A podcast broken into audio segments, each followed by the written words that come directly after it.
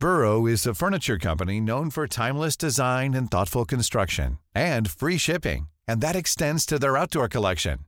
Their outdoor furniture is built to withstand the elements, featuring rust-proof stainless steel hardware, weather-ready teak, and quick-dry foam cushions.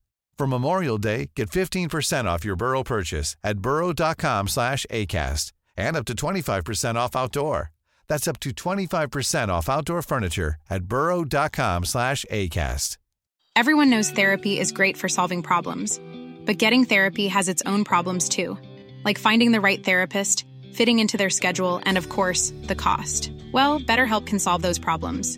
It's totally online and built around your schedule. It's surprisingly affordable too. Connect with a credentialed therapist by phone, video, or online chat, all from the comfort of your home. Visit betterhelp.com to learn more and save 10% on your first month. That's BetterHelp H E L P. Many of us have those stubborn pounds that seem impossible to lose, no matter how good we eat or how hard we work out. My solution is PlushCare. PlushCare is a leading telehealth provider with doctors who are there for you day and night to partner with you in your weight loss journey. They can prescribe FDA-approved weight loss medications like Wagovi and Zepbound for those who qualify. Plus, they accept most insurance plans. To get started, visit plushcare.com slash weight loss. That's plushcare.com slash weight loss. Hei og velkommen til Becoming, en av Norges mest populære podkaster innen livsmestring. Jeg heter Belinda, og jeg driver denne podkasten sammen med Isabel. Sammen så ønsker vi å inspirere og motivere deg til å skape det livet du ønsker å leve. Mange tenker at livet blir til mens du går, men der er meg og Isabel ganske uenige. Vi mener nemlig at det er du som er skaperen av ditt eget liv, og at du har muligheten til å gjøre ekstraordinære ting, og at det hele starter med å stille deg sjøl spørsmålet Hvem er jeg på vei til å bli? Vi oppfordrer deg til å tørre å ta deg sjøl på alvor, og nok en gang velkommen til en ny episode av Becoming.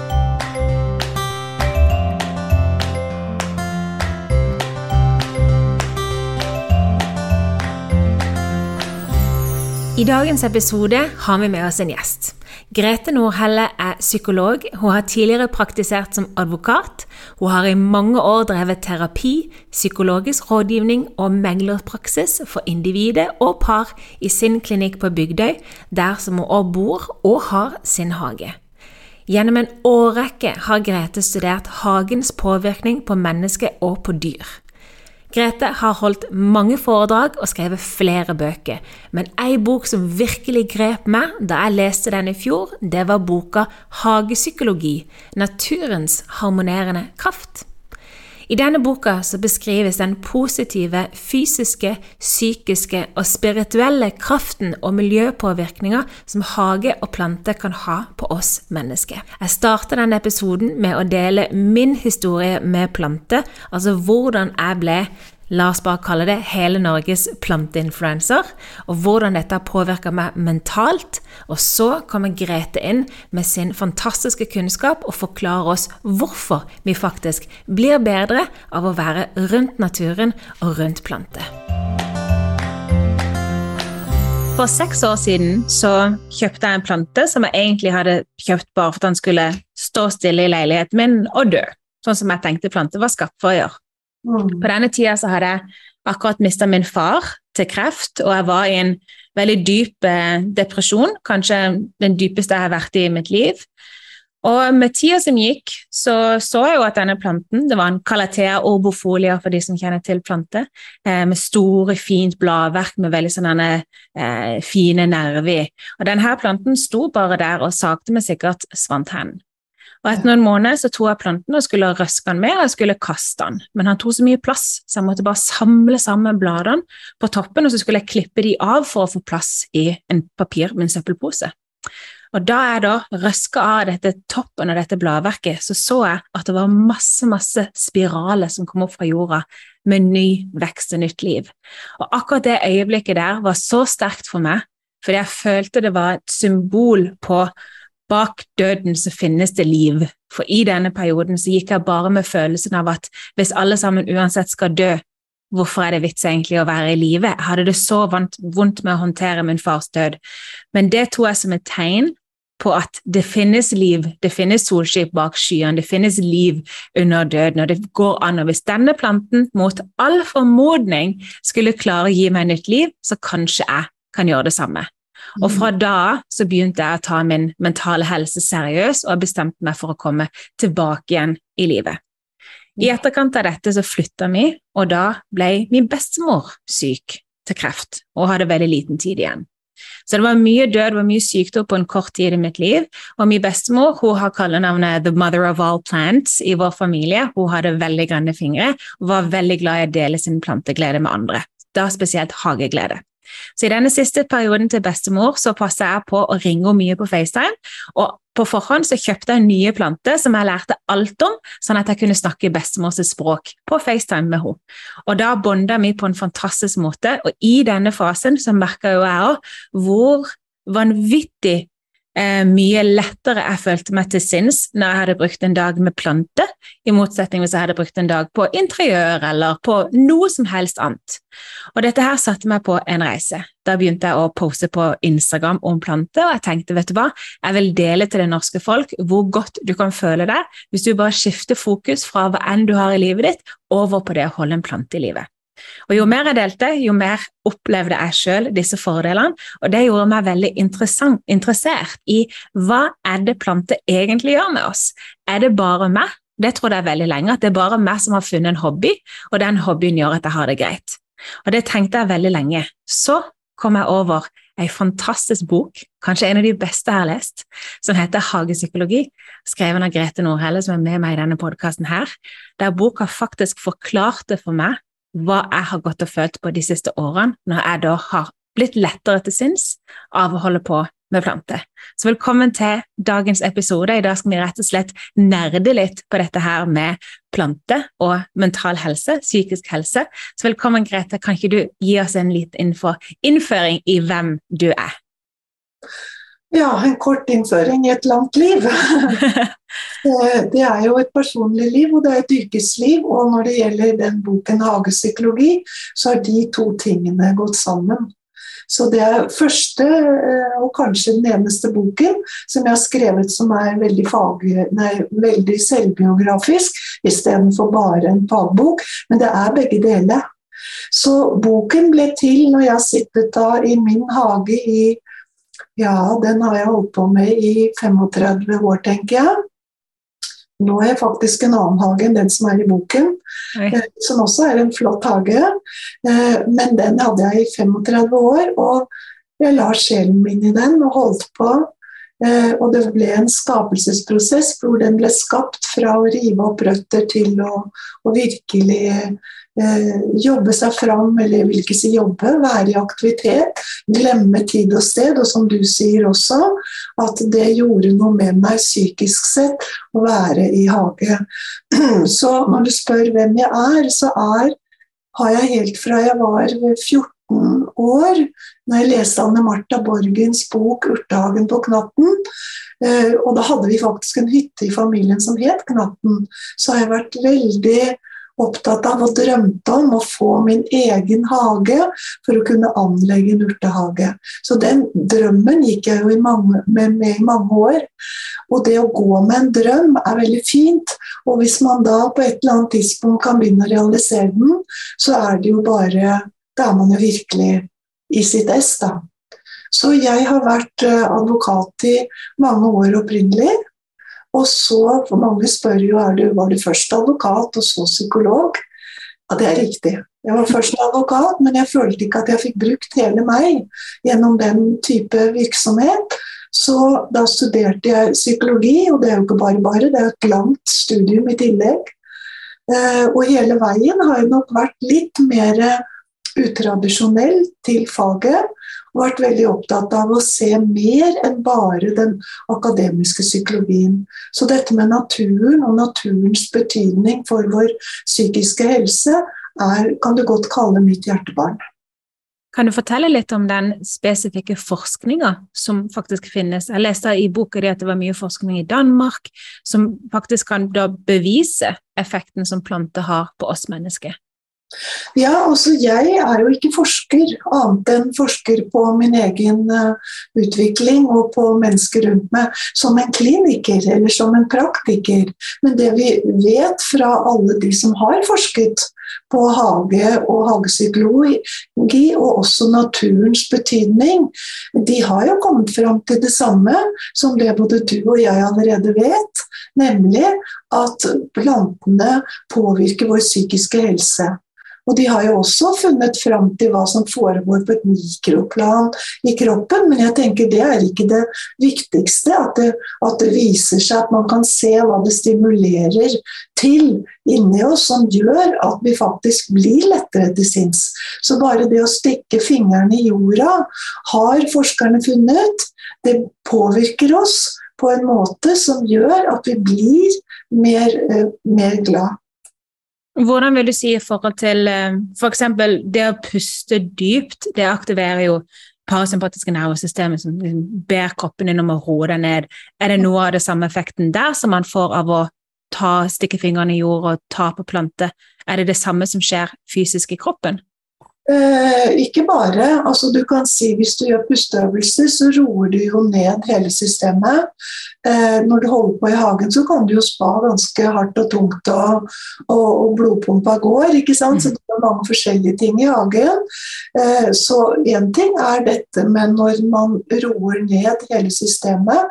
En annen ting er hva som stimuleres gjennom hormonsystemet, og hva de utskiller av eh, stoffer som kan påvirke oss fysisk og psykisk. Så på det nivået også så finner man ting.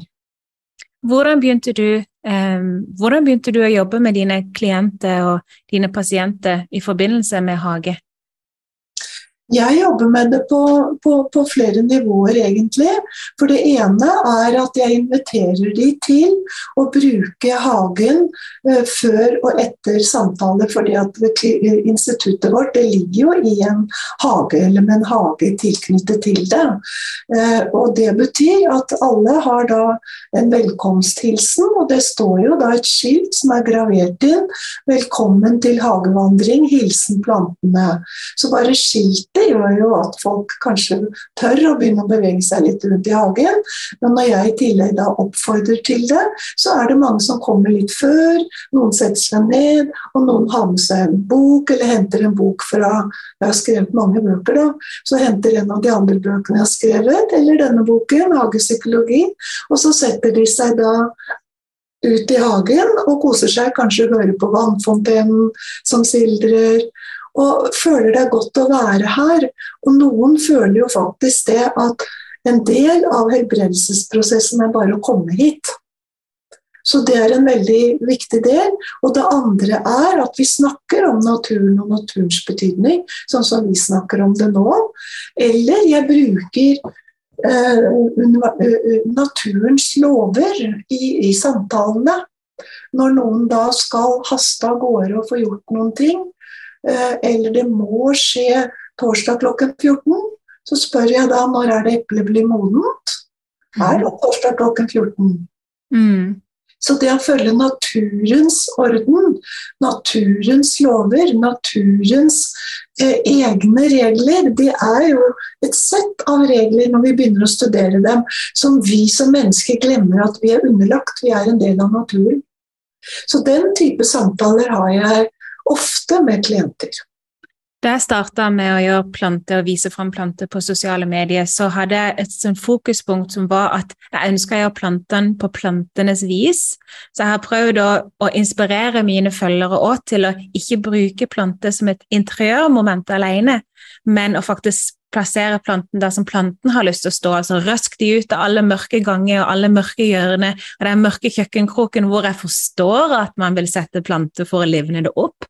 Men det jeg opplever òg, er at dersom du klarer å gjøre planter på plantenes vis, så får du da veldig mye av denne um, mentale eh, helsegevinsten i retur, at plantene gir deg det tilbake. Og jeg husker også, da jeg leste din bok, nå må du arrestere meg hvis jeg tar feil, for jeg kan ikke quote deg direkte, men du skrev et eller annet om at når vi prøver å gjøre om på naturen, mm. altså når vi prøver å ja, gjøre om på naturen, så kan vi da at det kan føles eh, som om vi går imot vår egen natur. Og jeg husker da jeg leste det, at det var herlighet. Det er, jo, det er jo sånn jeg føler når jeg kommer inn i et hjem og jeg ser en halvdød plante bli brukt som et interiørmoment, at her har vi jo mista absolutt alt. Hva hvis vi heller kan føye oss litt til naturen fordi vi er en del av naturen, istedenfor å prøve å få naturen til å bli oss? Så hva tenker du om de som har planter i sitt eget hjem, og som bruker det mest som bare interiør? Nei, altså de må jo ha Plantene er jo ikke veldig kravstore. De må jo ha et minimum av det de trenger for vekstvilkår. Og det betyr de må ha lys, og de må ha vann, og de må ha litt næring. Så hvis de får det, så kan man bruke dem som et sted man tenker at der passer den godt. Eh, interiørmessig også. Så, men det må ikke være motsatt. Sånn som jeg hadde en hel rad av orkideer i et vindu de vet, mange av oss i hvert fall, at skal ha fuktighet.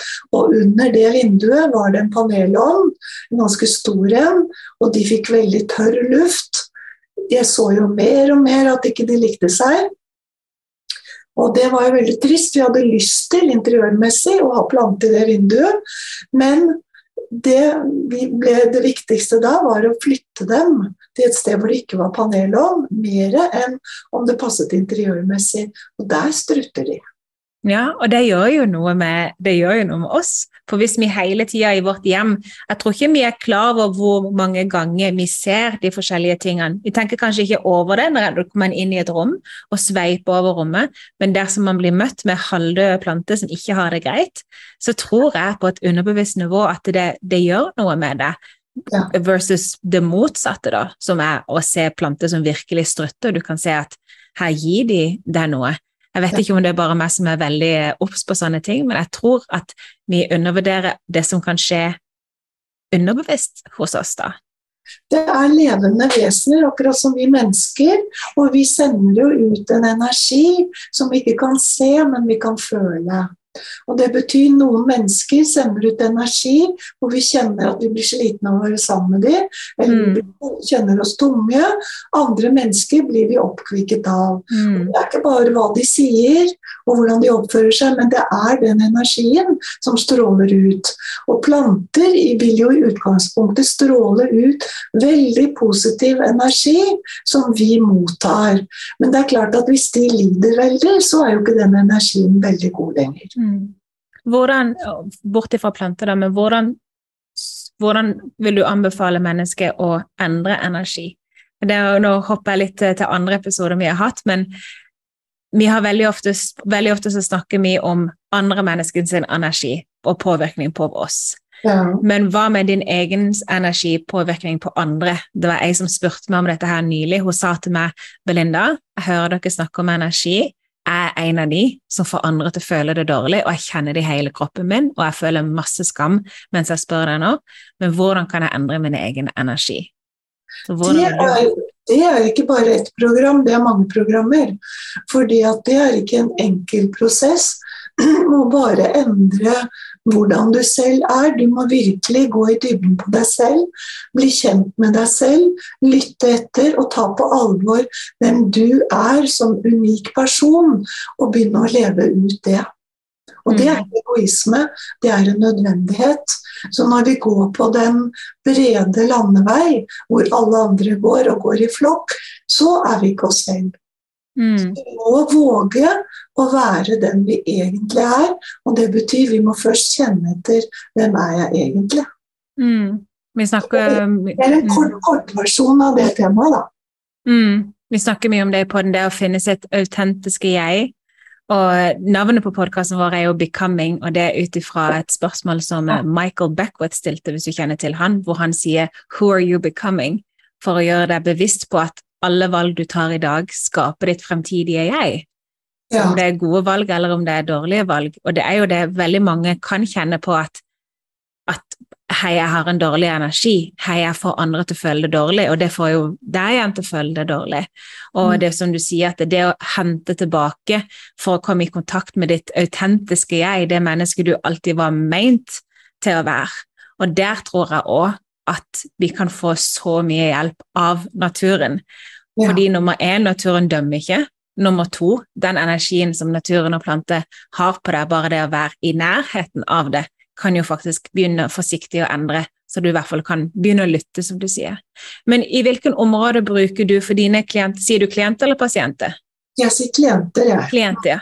Hvordan bruker du um, Altså, i hvilke områder har du eh, dine pasienter opplevd at plante og eh, natur og hage har en helbredende effekt på Hvis man tenker på dette med angst og depresjoner og den type mer heftige eh, prøvelser, om du kan kalle det for det. Hvordan jobber du med det sammen med planter, natur og hage? Man må arbeide individuelt med den enkelte klient og møte de der de er, og så skjøte videre til det de er åpne for å motta. Men de universelle kreftene som du og jeg snakker om, de gjelder jo alle mennesker. Men du kan si jo mer du åpner deg for naturen, jo sterkere påvirker den deg. Hvis du går og er veldig engstelig, veldig deprimert, veldig forstyrret, så påvirker også naturen deg, men ikke i, i samme grad. Så det er klart klart at parallelt med å, å, å, å utsette seg for, eksponere seg for natur og for hage, eh, er å arbeide med å fjerne seg fra det som forstyrrer en i livet. Først identifisere og bli det bevisst, og så klare da eh, å enten ta en avstand eller lære å akseptere det du ikke kan bli kvitt. Så den type å jobbe med forstyrrelser det er en veldig viktig del av det å, uh, vi jobber med i terapiprosesser. Og så kommer det paralleller. Du lærer deg å puste dypere. Du lærer deg til å, disiplinere sinnet ditt. Altså at du velger dine tanker istedenfor at tankene skal velge deg. Og det er ikke gjort i 1, 2, 3. Det er en regelmessig øvelse ved at du blir bevisst at nå tenker jeg på noe som ikke er positivt, og som jeg ikke kan få gjort noe med. Forflytt oppmerksomheten, nærværet, til det gode og positive som alltid finnes i alle menneskers liv, enten det er en potteplante, et vakkert bilde, nydelig musikk, eh, naturen rundt. Alle disse tingene. Det er så viktig at de, at vi, påvirkes av, for omgivelsene påvirker oss alltid, enten de er positive eller negative. Og Da må vi ta bevisste valg. Og vi kan, for å bruke min terminologi, potte oss om i voksen alder. Hva vil du si er en klassisk forstyrrelse? Du snakker om at det å bli bevisst på sine forstyrrelser. Veldig fascinerende å høre det. En klassisk forstyrrelse kan være et menneske som, eh, som vil noe med deg som ikke du, du vil. Eh, det er en klassisk forstyrrelse. En annen klassisk forstyrrelse er jo den som kommer innenfra, faktisk. At du egentlig forstyrres av ditt samme jeg. Fordi det vi ofte gjør, er at vi konstruerer med egoet vårt hvem vi vil være, istedenfor å utfolde det som er virkeligheten din. En eh, lilje utfolder seg aldri som en tulipan, eller prøver å bli en tulipan. Men hva gjør vi? Vi prøver å være noe vi ikke er fra vår sanne, unike type natur. Derfor er det så viktig å sette av tid til å lytte innover. Jo mer vi er sammen med oss selv, og ikke alle duppedittene våre og alle andre rundt oss, jo mer blir vi kjent med oss selv.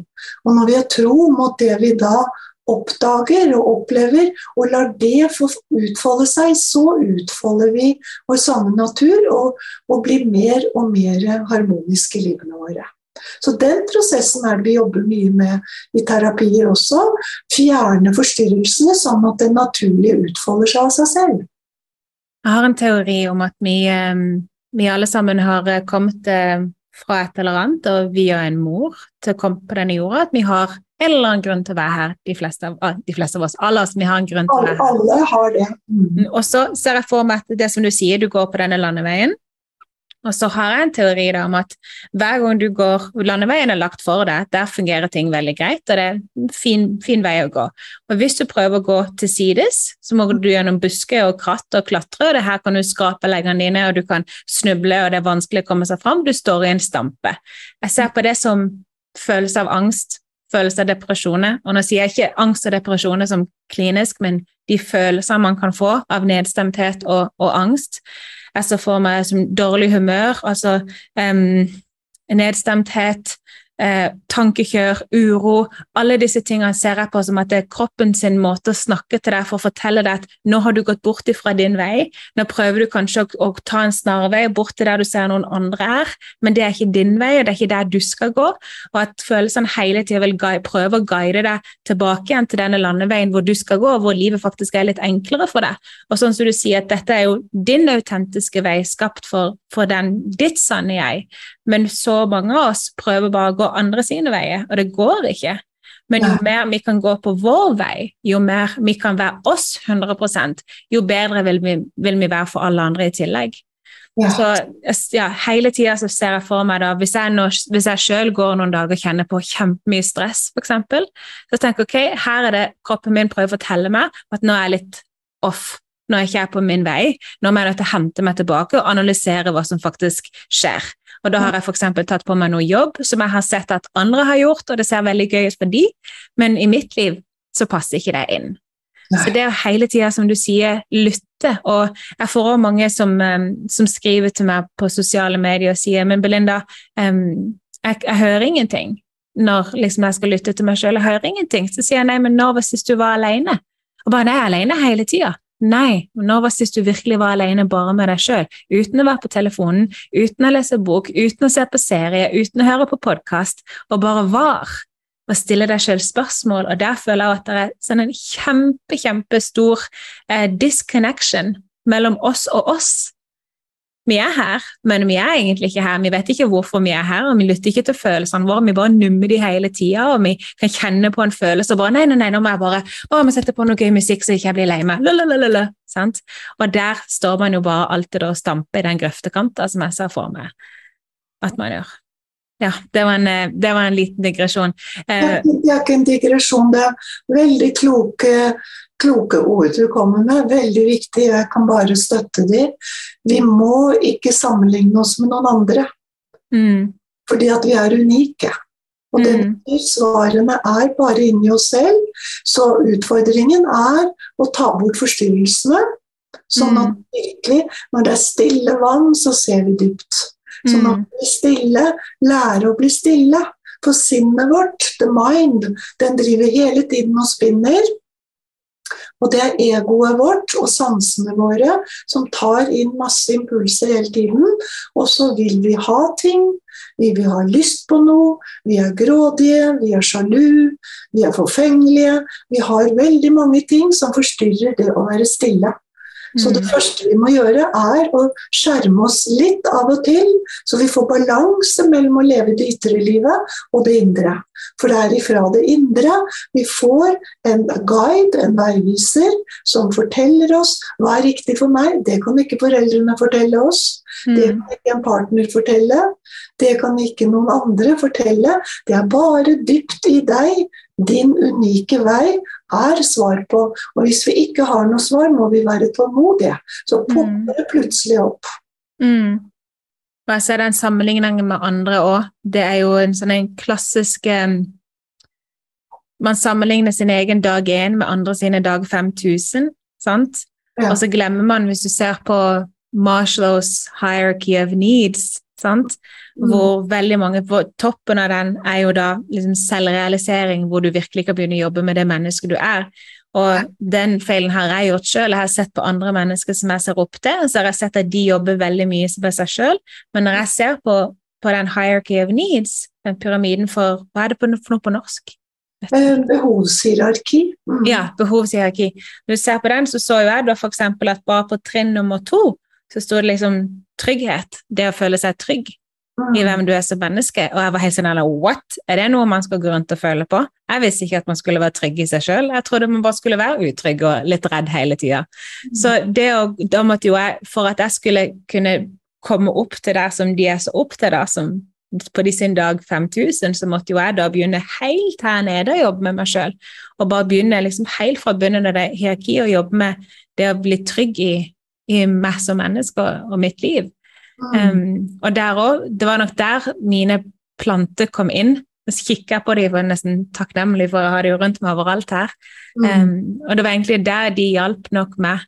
Og jeg tror at de hjalp meg med de sin energi til å kunne holde meg i en fase hvor jeg var veldig, veldig ustødig og følte meg veldig utrygg. Ja.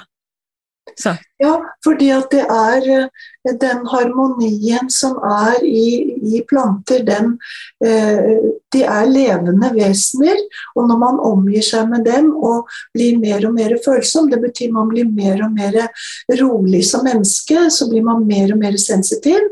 Og til slutt så blir man så sensitiv at man virkelig føler alt rundt den som del av det samme som oss selv. Og da har vi ikke lenger ensomhetsfølelse heller. Så plantene de er med på og hjelper oss til ikke føle oss alene eller ensomme eller redde i verden. Faktisk. oh, wow. Det gir veldig, veldig mye mening. Men da må vi også være der med dem. Og det betyr vi kommuniserer med dem. Vi ser nå henger det et blad. Oi, nå må jeg gi litt vann. Og det betyr at vi også utvikler en omsorgskarakter. Så det er det letteste stedet vi kan utvikle omsorg for.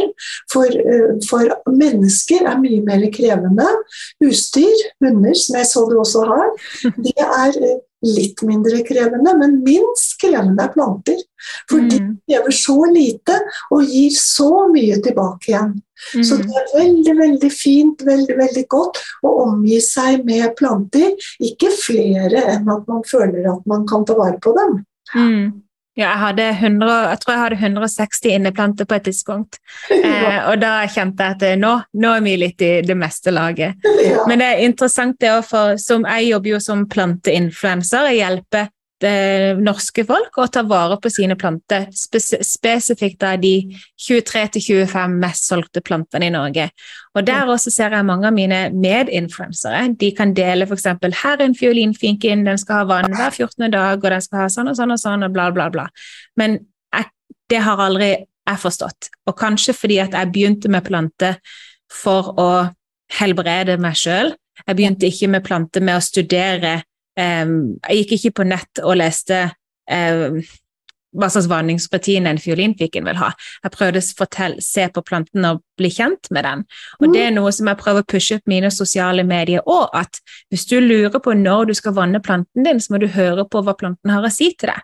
Yes. Og det å bli mer oppmerksom òg, det å komme inn i et rom og faktisk kunne komme ut av hodet og tankekjør lenge nok til å bare studere. bare ok, Denne planten nå har litt brune kanter, jeg må kjøpe en luftfukter.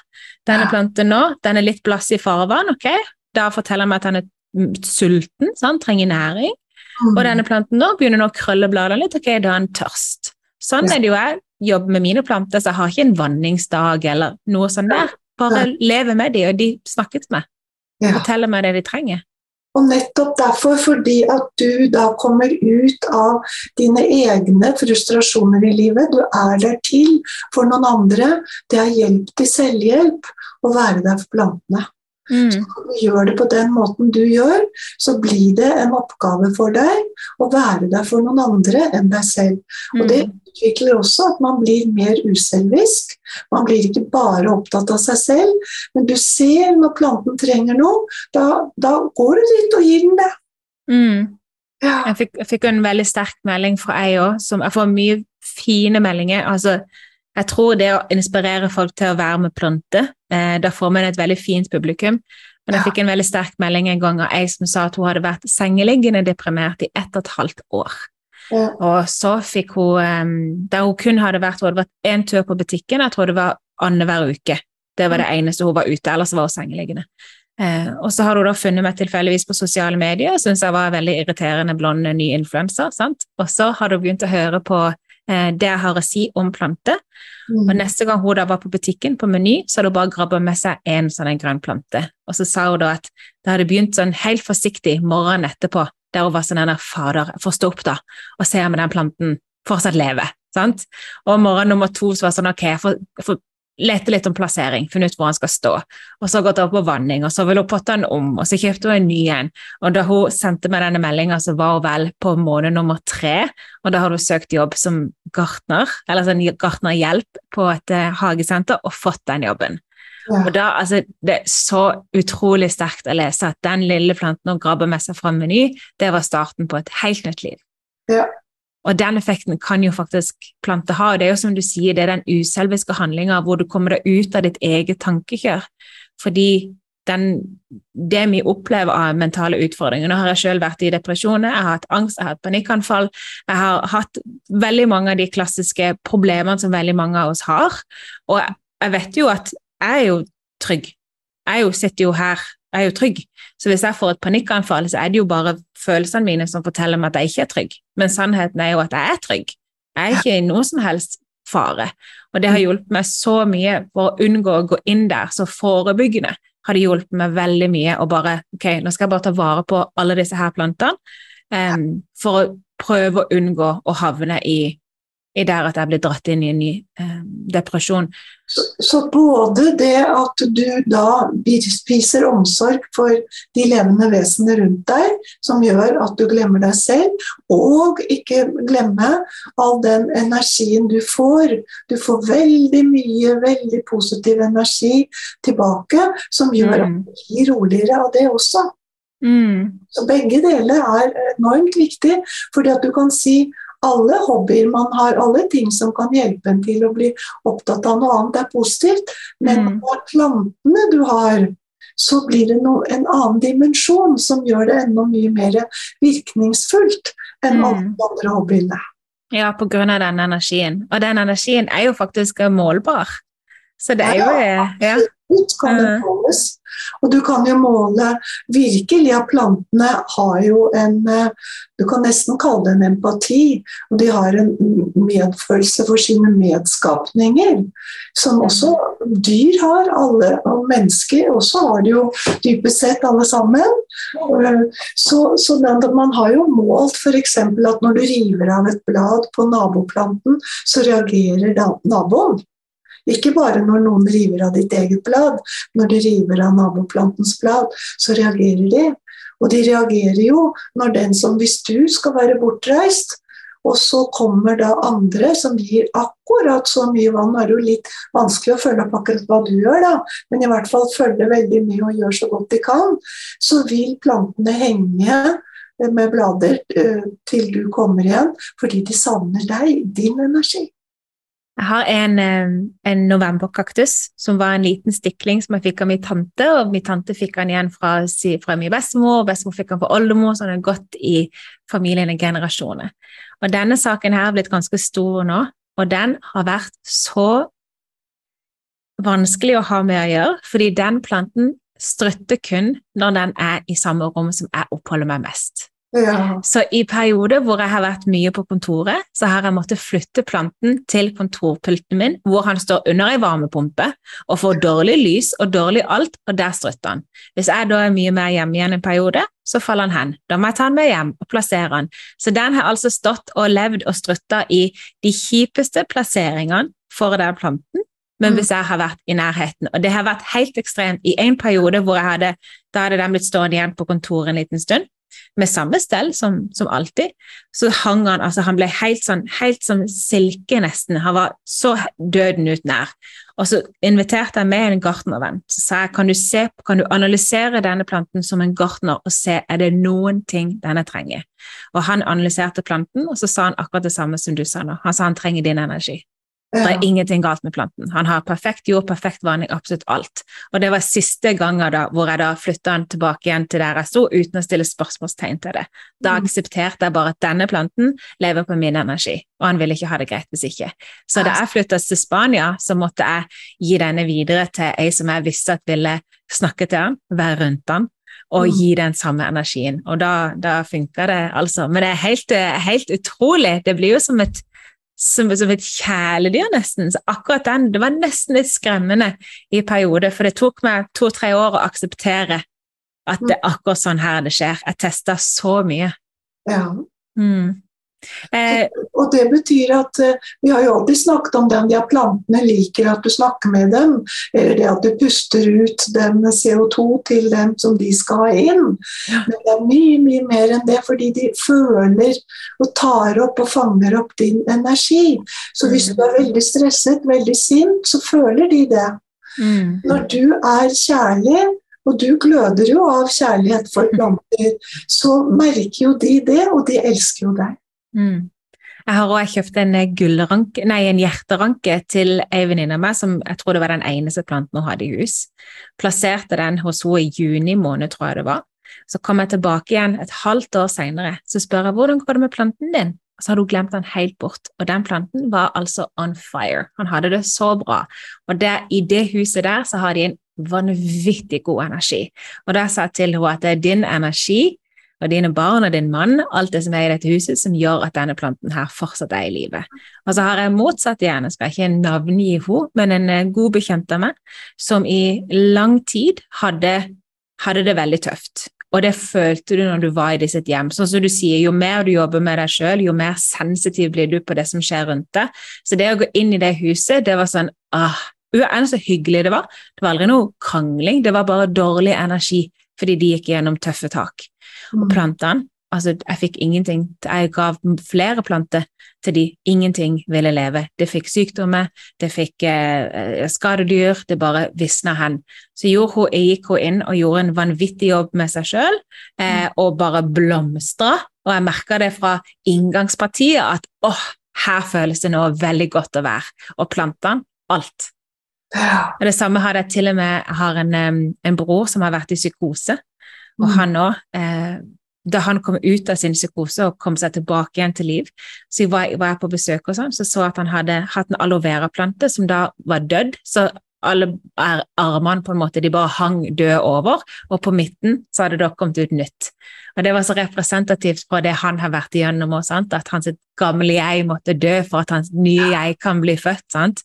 Så man ser det, og jeg har følt meg så mange år så har jeg følt meg litt gal, eh, hvis det gir mening, fordi at jeg ser så mange sånne ting. Men så er det jo faktisk bare at vi er en del av naturen. Vi trenger ikke å å dominere naturen, men heller bare akseptere å være en del av den.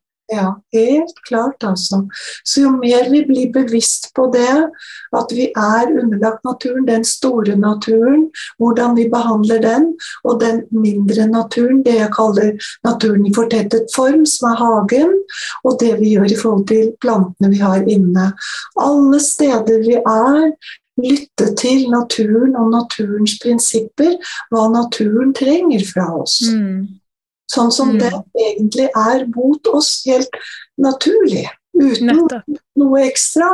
Plantene ute i naturen de får jo regn, de får sol, de får det de trenger. Vi er jo i, de har en stor gartner bak det hele. Mm. De tar seg av dem som har skapt det hele. Og når mm. vi har en hage, så får vi jo et ansvar for, fordi vi har satt sammen på en ny måte. Og det er jo også en skapelsesprosess som gjør når vi er kreative, så glemmer vi også det som er vanskelig i livet.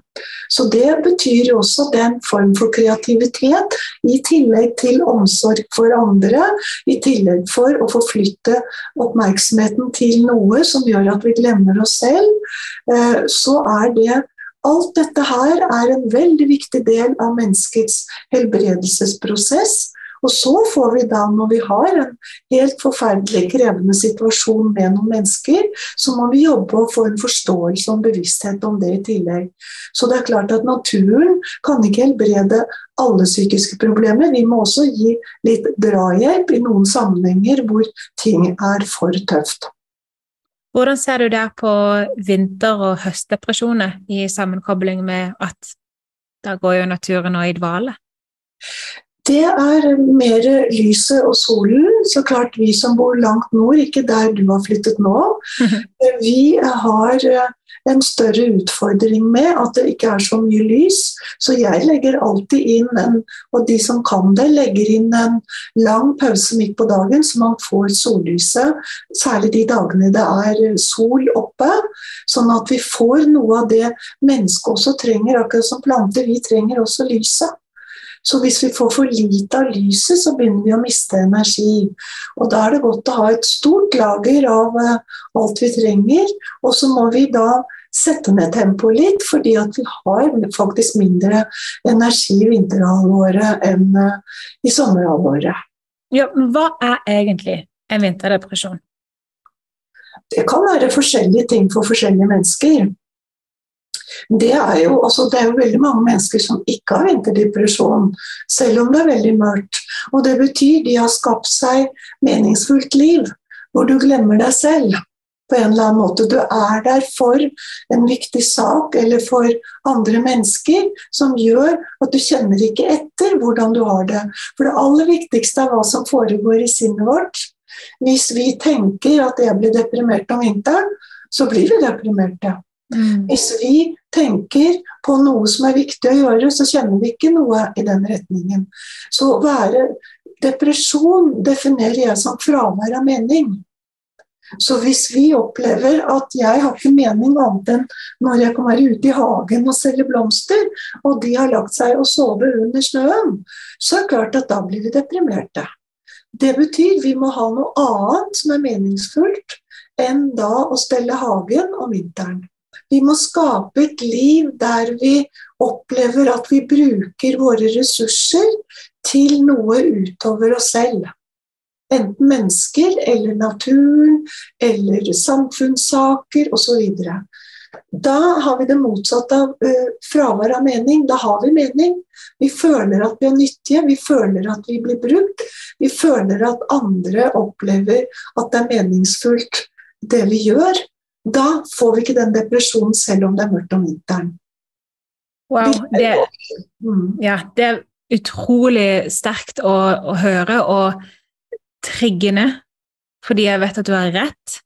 Jeg hadde, har hatt flere vinterdepresjoner de siste vintrene. Jeg har blitt veldig irritert for at jeg har det, og skuffa meg sjøl. For jeg har vært så forebyggende og virkelig prøvd liksom, lysterapi og absolutt alt mulig. Og eh, min mann har vært veldig fast bestemt på at eh, det er ikke Så lenge du har lysterapi, så er det ikke um,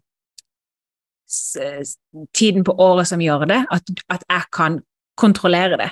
Mm. Og det har føltes så utrolig vanskelig, fordi når du fortsatt havner i en depresjon, så spesielt for min del, så er depresjon eh, fravær av mening, sånn som du sier.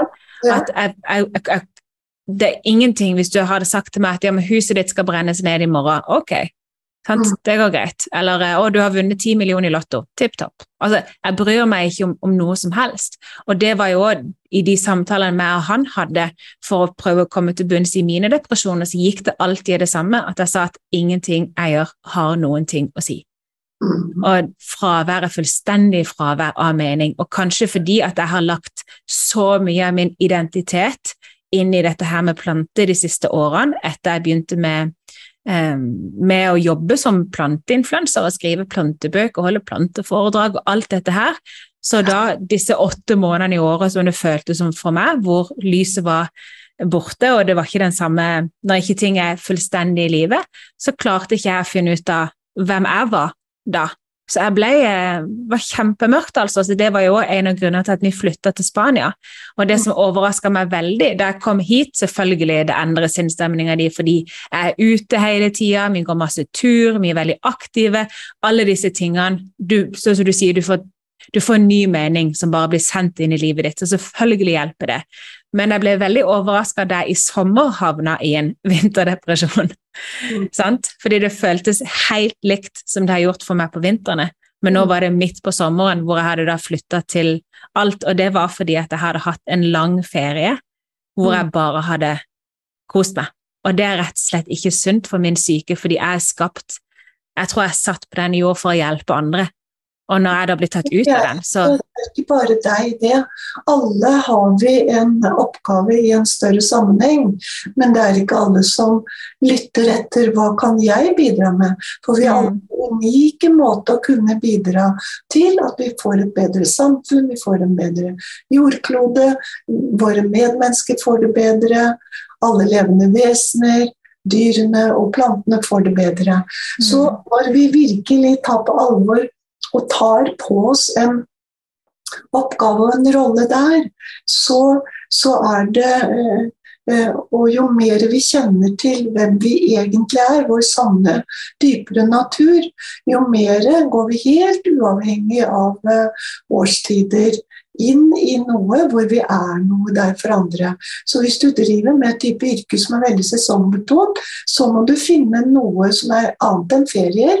Vi trenger av og til litt utkobling og pause, men når man reiser til Syden og, og, og, og, bosetter seg, så er det klart noen har en fysisk helse som har så mye plager i Norge at de må det, men da er det en utfordring å finne meningsfulle aktiviteter. Du har funnet det, men hvis man bare drar pga. solen, den holder en ikke fravær fra depresjon.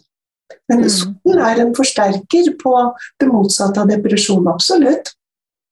Men, Men det viktigste er ikke solen, for du får den på en eller annen måte mm. av, av, året. Og om vinteren enten tar en tur, liten tur sydover, eller du har litt lysterapi, eller du ikke føler du trenger det. Du går i sol, Jeg kaller det solterapi. Ja, terapi. Um, mm. Men jeg går tur uh, hver dag, eller i hvert fall annenhver dag mm. hele året. Og da betyr det om vinteren er jeg så nøye på at den skjer når sola er på det høyeste. Mm. Sånn at jeg får noen dager med lys. Så vi får sånn at vi klarer oss. Og plantene også klarer seg med mindre lys om vinteren, men de strutter ikke like mye som når de står ute. Hvis du flytter en plante som har stått inne om vinteren, ut om sommeren, hvis ikke de er sånn som ikke skal stå midt i sollyset på terrassen, da, da kan de jo få helt Det er jo ikke alle som vil ha så mye sol, men i hvert fall lyset og luften, så strutter jo vi mennesker, og da strutter plantene òg. Så luften mm. er like viktig som solen, egentlig. Yes. Men du sa noe fint her nå, så for, forebygging av depresjon Mm. Som spesielt med tanke på tiden vi går inn i nå, vi går inn i ny mørke sesong og vet at mange er nervøse for det. Men det er jo da å skifte spørsmålet hva kan verden gjøre for meg, og snu det om til hva kan jeg gjøre for verden? Hvordan ja. kan jeg gi av meg sjøl i perioden som kommer nå, for rett og slett flytte fokus? Først må du bli klar over hva er det jeg har evner til og talenter til og muligheter? Jeg sier tre ord. Interesse, eh, talenter og muligheter. Mm. De tre interesse, talenter, muligheter er veldig viktig å se på. Bli kjent med seg selv. Hvilke talenter har jeg? Og så er det de man foredler, hvis ikke de allerede mm. Det er med stort sett må man foredle dem. Og så er man garantert til nytte på en eller annen måte i samfunnet. Og er ikke det miljøet som trenger de talentene der, ja, da skaper man det miljøet. Mm. Jeg husker da jeg var på, jeg var på noe av mitt mørkeste, så ble jeg spurt da hva er du god på, Belinda? Og mitt oppriktige svar til meg sjøl, det var ingenting. Jeg har ingenting. Så spurte dette personen, dette mennesket, fortsatte å spørre meg bare det må finnes én ting du vet at du er god på. Ja. Um, og i dag så kunne jeg jo skrevet en bok om alle mine evner, men på den tida, det eneste jeg kunne komme på, det var at jeg lagde en god sandwich. Jeg er veldig flink til å lage sandwich. Jeg har masse små ingredienser der som gjør de veldig gode. Og da sa hun til meg hun bare, ok, da er det ditt fokus nå fremover. Så jeg begynte å lage masse sandwicher til min mann og til mine bonusbarn. Og den lille saken der, den gjorde en endring for meg. Fordi jeg gikk og gleda meg til å se hvordan de ville reagere, planla nye, handla nye ting. sant? Så jeg gikk ifra ikke kunne finne noen ting positivt om meg som, som menneske, utenom den lille tingen, men den lille tingen åpna en dør for meg. Så for de som lytter, at hvis det er vanskelig å finne For det er mange som sier at ja, men jeg har ingenting. Men jo, det har du. Alle har noe, mm. men vi må av og til eh, pusse det opp, foredle det. Sånn, mm. Først må vi bli kjent med det, sånn at hvis vi ikke vet hva vi egentlig har talenter til Ofte når du merker noe som, du, som interesserer deg, mm. så er det ofte noe i den retningen som du også har talent til. Men det må jo, det må jo utvikles, det må jo eh, forbedres, det må jo foredles. Så det er mange ting vi må gjøre et forarbeid før vi virkelig blir nyttig for andre. Og da er den prosessen også Mom deserves the best, and there's no better place to shop for Mother's Day than Whole Foods Market. They're your destination for unbeatable savings, from premium gifts to show-stopping flowers and irresistible desserts. Start by saving 33% with Prime on all body care and candles. Then get a 15-stem bunch of tulips for just $9.99 each with Prime. Round out Mom's menu with festive rosé, irresistible berry chantilly cake, and more special treats. Come celebrate Mother's Day at Whole Foods Market. Even when we're on a budget, we still deserve nice things. Quince is a place to scoop up stunning high-end goods for 50 to 80% less than similar brands. They have buttery soft cashmere sweaters starting at $50, luxurious Italian leather bags, and so much more. Plus, Quince only works with factories that use safe, ethical, and responsible manufacturing. Get the high-end goods you'll love without the high price tag with Quince. Go to quince.com/style for free shipping and 365-day returns. Imagine the softest sheets you've ever felt. Now imagine them getting even softer over time. That's what you'll feel with Bowl and Branch's organic cotton sheets. In a recent customer survey, 96% replied that Bowl and Branch sheets get softer with every wash. Start getting your best night's sleep in these sheets that get softer and softer for years to come. Try their sheets with a 30-night guarantee. Plus, get 15% off your first order at bowlandbranch.com. Code BUTTERY. Exclusions apply. See site for details. Meningsfull og forberede oss på den oppgaven som egentlig venter på oss et eller annet sted. Jeg syns det var en veldig veldig fin avslutning på en veldig fin episode. Tusen takk til Grete Nordhelle, og for du som lytter, hvis du har, hvis du har lyst, hun har skrevet flere bøker. Min absolutte favorittbok det er Hagepsykologi, og min favorittbok nummer to det er det å leve i pakt med moder jord. Begge to bøker finner du overalt hvor bokbøker selges, tror jeg det. I hvert fall hos Cappelen, der har jeg kjøpt dem. Ja. Alle steder, ja. Ja. Og det er bøker som du kan bruke Eller nesten som et hagepsykologi er utsolgt fra forlaget, men jeg har trykket opp et nytt opplag, så det er via å kontakte meg eller Integral psykologisk institutt at du får den boken i dag. Da legger jeg den linken i bioen til denne episoden, Ja. sånn at den blir funnet. Så kan du selvfølgelig også finne jeg syns ikke du er veldig aktiv på sosiale medier, Grete. Jeg syns du kan bli litt mer på Instagram, men eh, du finner det selvfølgelig på Instagram i tillegg. All right. Tusen hjertelig takk. Ha det bra.